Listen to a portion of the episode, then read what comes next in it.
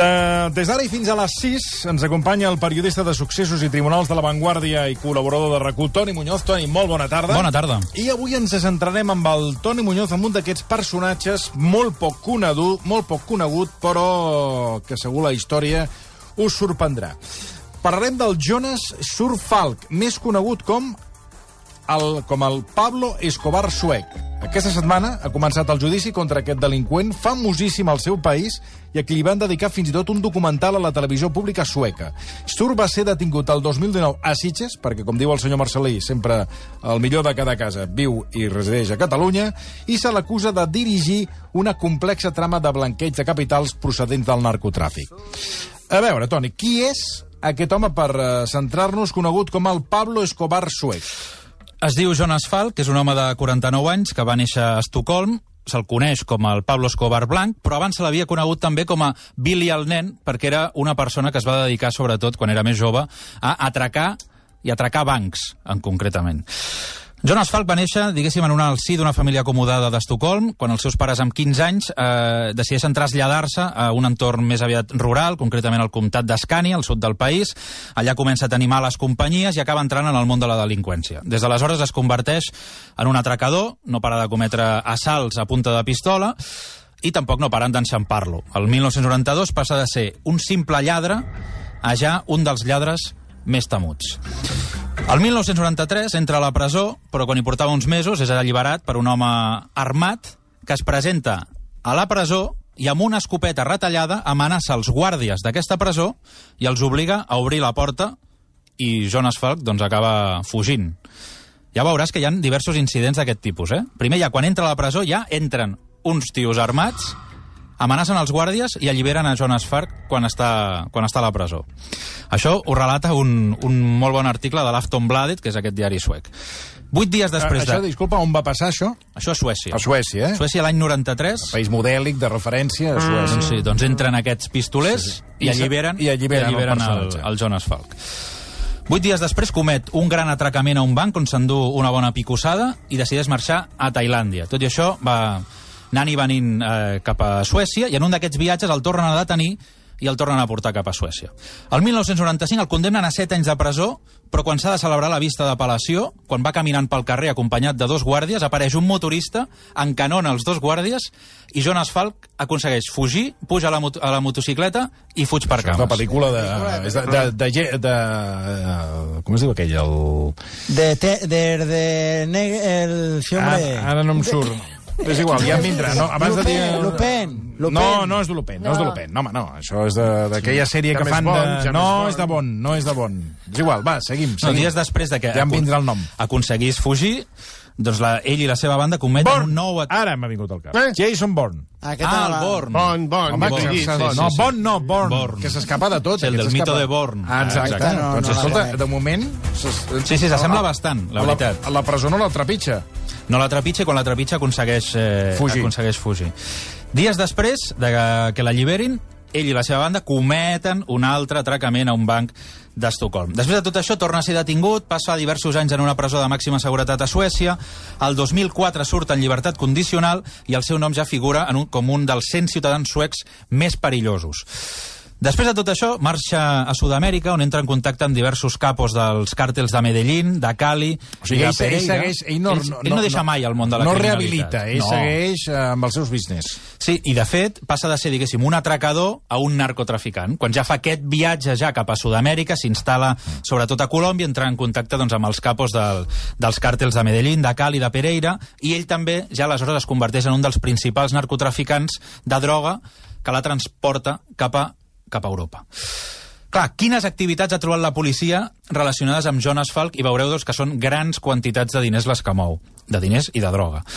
Jonas Falk per això aprofita un nou mètode, diguéssim, per eh, fer entrar la droga, i és que no ho fa, diguéssim, amb grans vaixells mercants, sinó que ho fa amb velers de luxe, transoceànics. Per exemple, entre l'agost i el setembre del 2006, Jonas Falk adquireix una gran quantitat de cocaïna i la transporta a través de l'oceà Atlàntic amb un veler que li diu l'Icelot, que arriba al port de Falmouth a Regne Unit. El valor de la cocaïna era de 3,7 milions d'euros, transportat amb aquest valer. I ell uh, hi viatjava en el... Ell no, Ah, ell, no. ell no s'embruta mai les mans. Ell sempre té gent que ho fa, ell és qui Sí, encarrega, ell qui encarrega una negocia. tripulació, tenéis que llevar esta mercancía Exacte. y si os pillan, pues el marrón para ti. Quan ja està plenament dedicat al narcotràfic, el Jonas Falk s'instal·la a Catalunya l'any 2007. Ah, sí? Aquí és on, Hombre, senyor Marcelí, eh, ja l'estàvem aquí. esperant. Aquí, és que tots... Si a més que tots fan cap aquí, jo no sé què passa. Tu Ho- fixa't ho que fa tot, el, tot el que ha passat al món en Ho els fa? últims tret de Nostre Senyor, tret de Nostre Senyor, Bueno, que que, el al- van- que al que- final que- no que No, que no, que no fos cas que al final el van, Ah, no? el van crucificar aquí. Ah, no és que ja no m'estranyaria res. Va, Perquè, és que perquè, tot, tot atenció, passa a veure, seguim amb la A història. Reus, jo crec que va ser Reus, no, que sempre Reus és per unes notícies, també, escolta, la mar també. de boniques. S'instal·la a Sitges. S'instal·la a Sitges, concretament, a una mansió de luxe per El valor 2017 de... ja. 2007. Ah, 2007, set. sí, sí, Sí, ja 2007. fa anys. Sembla que tenia uns amics també del món de la delinqüència que vivien A per Sitges. aquella zona, a Sitges, i aleshores, doncs, per recomanació, decideix instal·lar-se vente aquí, que a Sitges, vine aquí que estaràs molt bé i tal. es Claro, compra una mansió estàs- per 2,5 milions d'euros a una urbanització que es diu Vallpineda, Sí, ja la conec. doncs mira, doncs allà es compra una mansió de 300 metres quadrats. Que no, que no hi hagis estat i tot. Qué maravilla. No, uh, no, no, no crec. No A partir d'aquí, com que s'instal·la a Catalunya, també comença a invertir en diversos negocis. Però ell, disculpa, des de Catalunya el 2007 ja segueix controlant el negoci del, del narcotràfic És o que la- no està clar? Eh, O comença un, un nou negoci?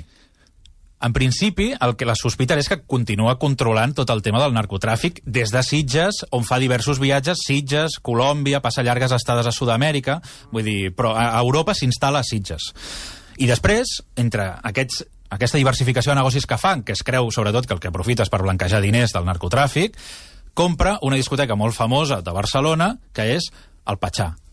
I que, si recordeu, a l'any 2008-2009 li canvien el nom i li diuen Oshum. Sí. Doncs el qui va no, canviar no, el no, nom... he, anat- no, he, anat- no he anat mai, però es conec el... Doncs qui canvia el nom d'aquesta És ell. discoteca és ell, és Jonas Falk, el Pablo Escobar suec. Clar, el Patxà és una gran discoteca, en principi el que es creu és que serveix per blanquejar grans quantitats de diners i tenen més de 100 treballadors, per tant que era una infraestructura molt gran. I després també va, va comprar un restaurant que també creuen, i això, per, què, per aquesta causa, per haver comprat el Patxà, per haver comprat aquesta mansió, per haver comprat aquest restaurant que creuen que servia per blanquejar diners, és per la causa per la qual l'estan jutjant ara a l'Audiència de Barcelona, aquí a Catalunya. Seguim amb el relat. L'any És que, és que 2008... m'estàs fent un relat que ara m'ha vingut de cop, em van venint coses. Abans m'ha vingut de bon com s'escapava, i ara m'ha vingut una sèrie que és, de, que és exactament això, que es diu Ozark, Sí, que el protagonista es dedica a això, saps? Això. Eh, És el, el que gestiona, en fi, entre narcotraficants i, i, i, com, i fa això, compra hotels i discoteques, i bueno, en aquest cas ell compra, doncs sí, un hotel, Clar. si no recordo malament, un, i per blanquejar per diners. blanquejar aquests diners. Quines altres coses li, li atribueix la policia? Perquè, clar, ell actua sempre d'amagat, ell no està mai les mans, sempre actua altra gent. Però qui hi ha al darrere de tot? Doncs la policia sempre pensa que Jonas Falk, però clar, aquest Jonas Falk no és qui porta la, la mercaderia. Però quins, eh, quines, quins trajectes, quins viatges de, per transportar droga se li atribueixen? Doncs, per exemple, 2008 organitza el, tra- el trasllat a través de l'Atlàntic d'una nova partida de cocaïna, ho fa a bord del valer Glòria, i qui pilota el vaixell és un dels seus socis, que es diu Maurits Anderson, que també està sent jutjat aquests dies aquí a, a Catalunya. Entre l'abril i el juliol del 2009, Jonas Falk intenta, juntament amb la col·laboració d'aquest soci, Maurits Anderson, transportar més de 700 quilos de cocaïna des de la costa de Venezuela fins a Europa. Però com? 700 quilos? Com, com també, amb un valer. Sí, sí, valers. Tot ho Però, fan amb però valers. dus un valer d'unes... Perquè, clar, D'unes 700 grans dimensions, clar, clar, per creuar l'Atlàntic. Però aquesta, aquest viatge finalment no es pot fer i aquí ja és quan comencen a sospitar que potser els estan seguint i efectivament els estan, els estan seguint. El 2 de juny del 2010 intercepten en aigües internacionals del Mar Carib un carregament de 1,4 tones de cocaïna en un valer que es diu Solero. Cada cop Anaven transportant anat- més, s'ha anat confiant animant. més, no? Eh, No passa res, doncs 1,4 1,4 tones. Sí, sí. De cocaïna. A, a, a, Però això ja no era un valer, això ja era un mercant, que Sí, sí. clar, 1,4 mm, tones és sí, sí, brutal. És brutal. Doncs aquí ja les autoritats franceses detenen aquest senyor, aquest Maurits Anderson, que era qui pilotava aquest valer, eh, a prop de la costa de Martinica, i són les, les autoritats franceses, i és ja la culminació de l'operació Platja. L'operació Platja és una gran operació contra el narcotràfic a Europa, que diverses eh, autoritats de diversos estats europeus, Espanya, Itàlia, França, el Regne Unit, es posen i s'aboquen per intentar trobar qui està portant grans quantitats de droga a Europa, i sempre surt el nom de Jonas Falk, que és qui està, qui està al darrere. Primer fan aquesta detenció d'aquest pilot i després, doncs, uns mesos més tard, el 27 de desembre del 2010, Jonas Falk és detingut per la policia colombiana en una exclusiva organització que es diu Giradot, a Colòmbia. Li seguien el rastre, sem sembla doncs, que no acaben de trobar-lo, però al final van punxar el telèfon d'una nova nòvia que es va treure Ah, i el van poder enxampar. El 2013, Jonas Falk i els seus socis són jutjats i condemnats per un tribunal d'Estocolm, perquè el van extradir cap a, Ah, cap a Estocolm, per tràfic de drogues. Primer el condemnen a 18 anys de presó, passa dos anys i mig entre reixes, però el Tribunal d'Apel·lació finalment l'acaba absolent, excepte un recurs dient que no, ha, no ha quedat prou acreditat que ell estigués al darrere de tot això. De fet, el seu company, aquest pilot, aquest Maurits Anderson, quan arriba el moment de declarar, diu que. Jonas Falk no tenia res a veure i que tot ho havia fet ell i que Clar. el va deixar al marge. Doncs clar, després de dos anys i mig a la presó, de semblar que estàvem davant o darrere del gran capo eh, del narcotràfic, Detingut. detingut i empresonat durant un temps, quan El- ja semblava que la- l'operació Platja havia acabat, doncs la... Torna a sortir de la torna presó. a sortir de la presó. Amb un tribunal d'apel·lació que...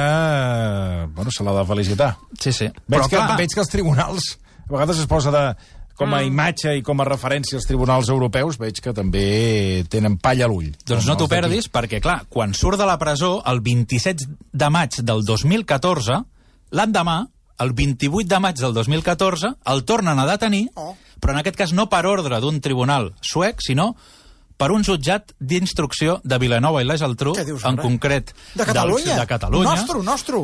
Acusat de blanqueig de diners, de delicte fiscal i d'organització il·lícita, que són els delictes que ara mateix se li atribueixen. Clar, estem parlant del 2014, ara aquest judici s'ha celebrat aquesta setmana, 2021, i podeu pensar, per què ha passat tant de Sí, temps, exacte, no? 2014 al 21. Doncs clar, quan, d'anys. quan el que va passar és que finalment el Jonas Falk doncs, el van detenir una altra vegada, el van portar cap a Catalunya, passa 8 mesos a la presó model, ja finalment s'asseu al banc dels acusats a l'any 2015, però sembla, com que ja l'havien absolt en un tribunal eh, suec, diuen que s'han aportat totes les proves, totes les proves que s'havien aconseguit per jutjar-lo aquí a Espanya, provenien d'aquella investigació que es va fer a Suècia, però que finalment va acabar en no res, i que, per tant, No serveixen no les serveixen proves. aquestes proves i que s'ha de tornar a fer tota la investigació de nou. I una altra vegada, doncs el deixen en llibertat, Ah, i aquí a Catalunya? aquí a Catalunya, A casa, a casa, a i Catalunya. ja està, fins que, doncs ara es va assenyalar la, la data de judici, que s'ha celebrat aquesta setmana. Mm. Però encara hi ha un últim capítol, i és que Jonas Falk És a dir, no descartem que torni a sortir, que torni no, no, està en llibertat. llibertat, ja va estar en llibertat. Després d'això, doncs el van deixar en llibertat i van dir, bueno, doncs ja te llamaremos per quan, eh, quan sigui la O sigui, data. ara torna a estar en llibertat. A torna a estar en llibertat. Però és que en aquest temps... Però, però dius que té un judici. Clar, doncs està en llibertat. Ell va cada dia, s'aixeca al matí i diu, Ah, anem a, al judici. ah, I ja està. És que això és, perdona, és, Sí. de, és de pel·lícula. És, és, dia. és el típic eh, que no el, no el pillen mai. No, no, però s'ha presentat al judici. S'ha Bueno, presentat ja, al judici. perquè quan tu estàs segur que no et passarà res, bé, hi vas... Només anirà a la presó si té una estelada a fora de la casa seva de- d'aquí a Sitges. Llavors sí que anirà a la presó. Llavors sí que no s'escaparà. Però vamos! Però aquest senyor, després de que el deixessin en llibertat, perquè es va anul·lar aquest judici i s'havia de començar una altra vegada tota la investigació, l'any 2019 hi ha una operació de la Policia Nacional a tota Espanya contra el narcotràfic en què detenen a 82 persones, sobretot per contactes amb una xarxa de tràfic de drogues a la costa d'Alacant, al País Valencià. I allà, en aqu entre aquestes 82 No persones, hi ha fotis que detenen el... Jonas Falk. Torna a ser detingut. I què passa? Doncs que passa de... Passava per allà. Passava, No, passava per allà, el detenen, Ah. presta declaració i el deixen en llibertat. Mm. I ja està. I Molt aleshores ell, ara mateix, doncs està pendent. Està a de- Sitges. Està a Sitges, ell... Escolta, escolta el programa, suposo. Suposo, i, i ja està. I aleshores aquesta persona ara mateix està- Saludos. s'ha acabat el judici de, Saludos. a l'Audiència de Barcelona. Ja s'ha acabat, eh? Sí, sí, s'ha acabat. Ell el que ha explicat, doncs que... I, perquè clar, la gran pregunta és, escolti, d'on treia vostè tots aquests diners que després invertia en aquestes discoteques i tal? Mm, doncs ell el que ara, deia que ara, havia ara. invertit diners en mines d'or i de cobalt a Àfrica, que això li havia donat uns rendiments, I tant. i que ja està. Quin és el que... Bueno, la seva defensa, i de fet la, la gent del seu entorn, hem pogut parlar amb algú i ens ha comentat doncs, que estan molt confiats que els hi sortirà bé. Per què?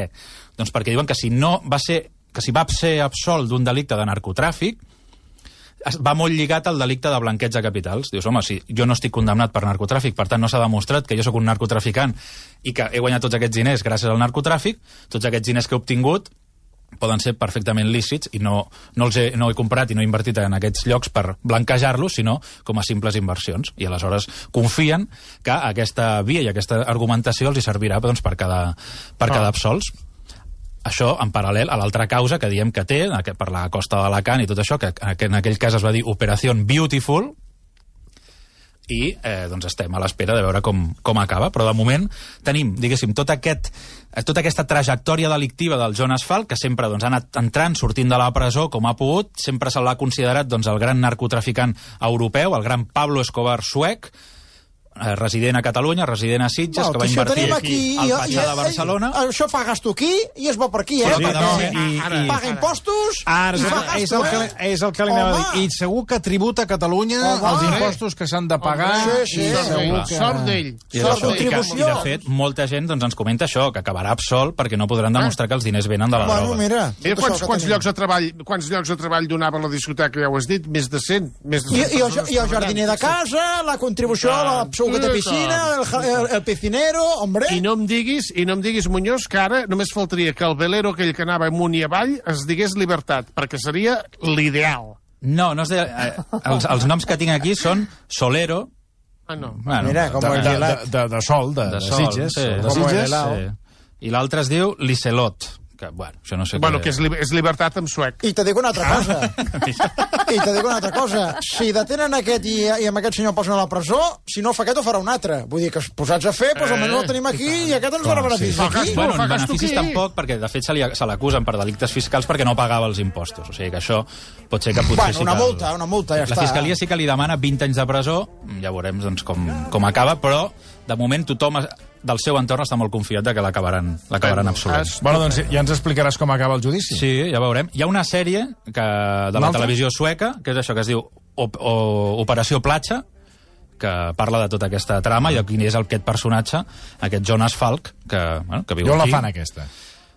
Aquesta no està a cap plataforma. Ah, però la Has d'anar a, a la web de la televisió sueca, que no Ui, sé si té però- subtítols, sí, almenys que en anglès. Suposo que en o- anglès potser sí. Això és Rocco.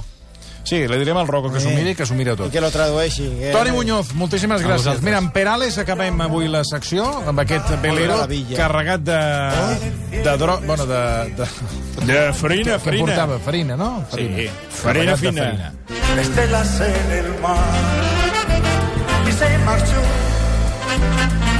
y a su barco le llamó libertad y en el cielo descubrió gaviotas Versió RAC 1 amb Toni Clapés.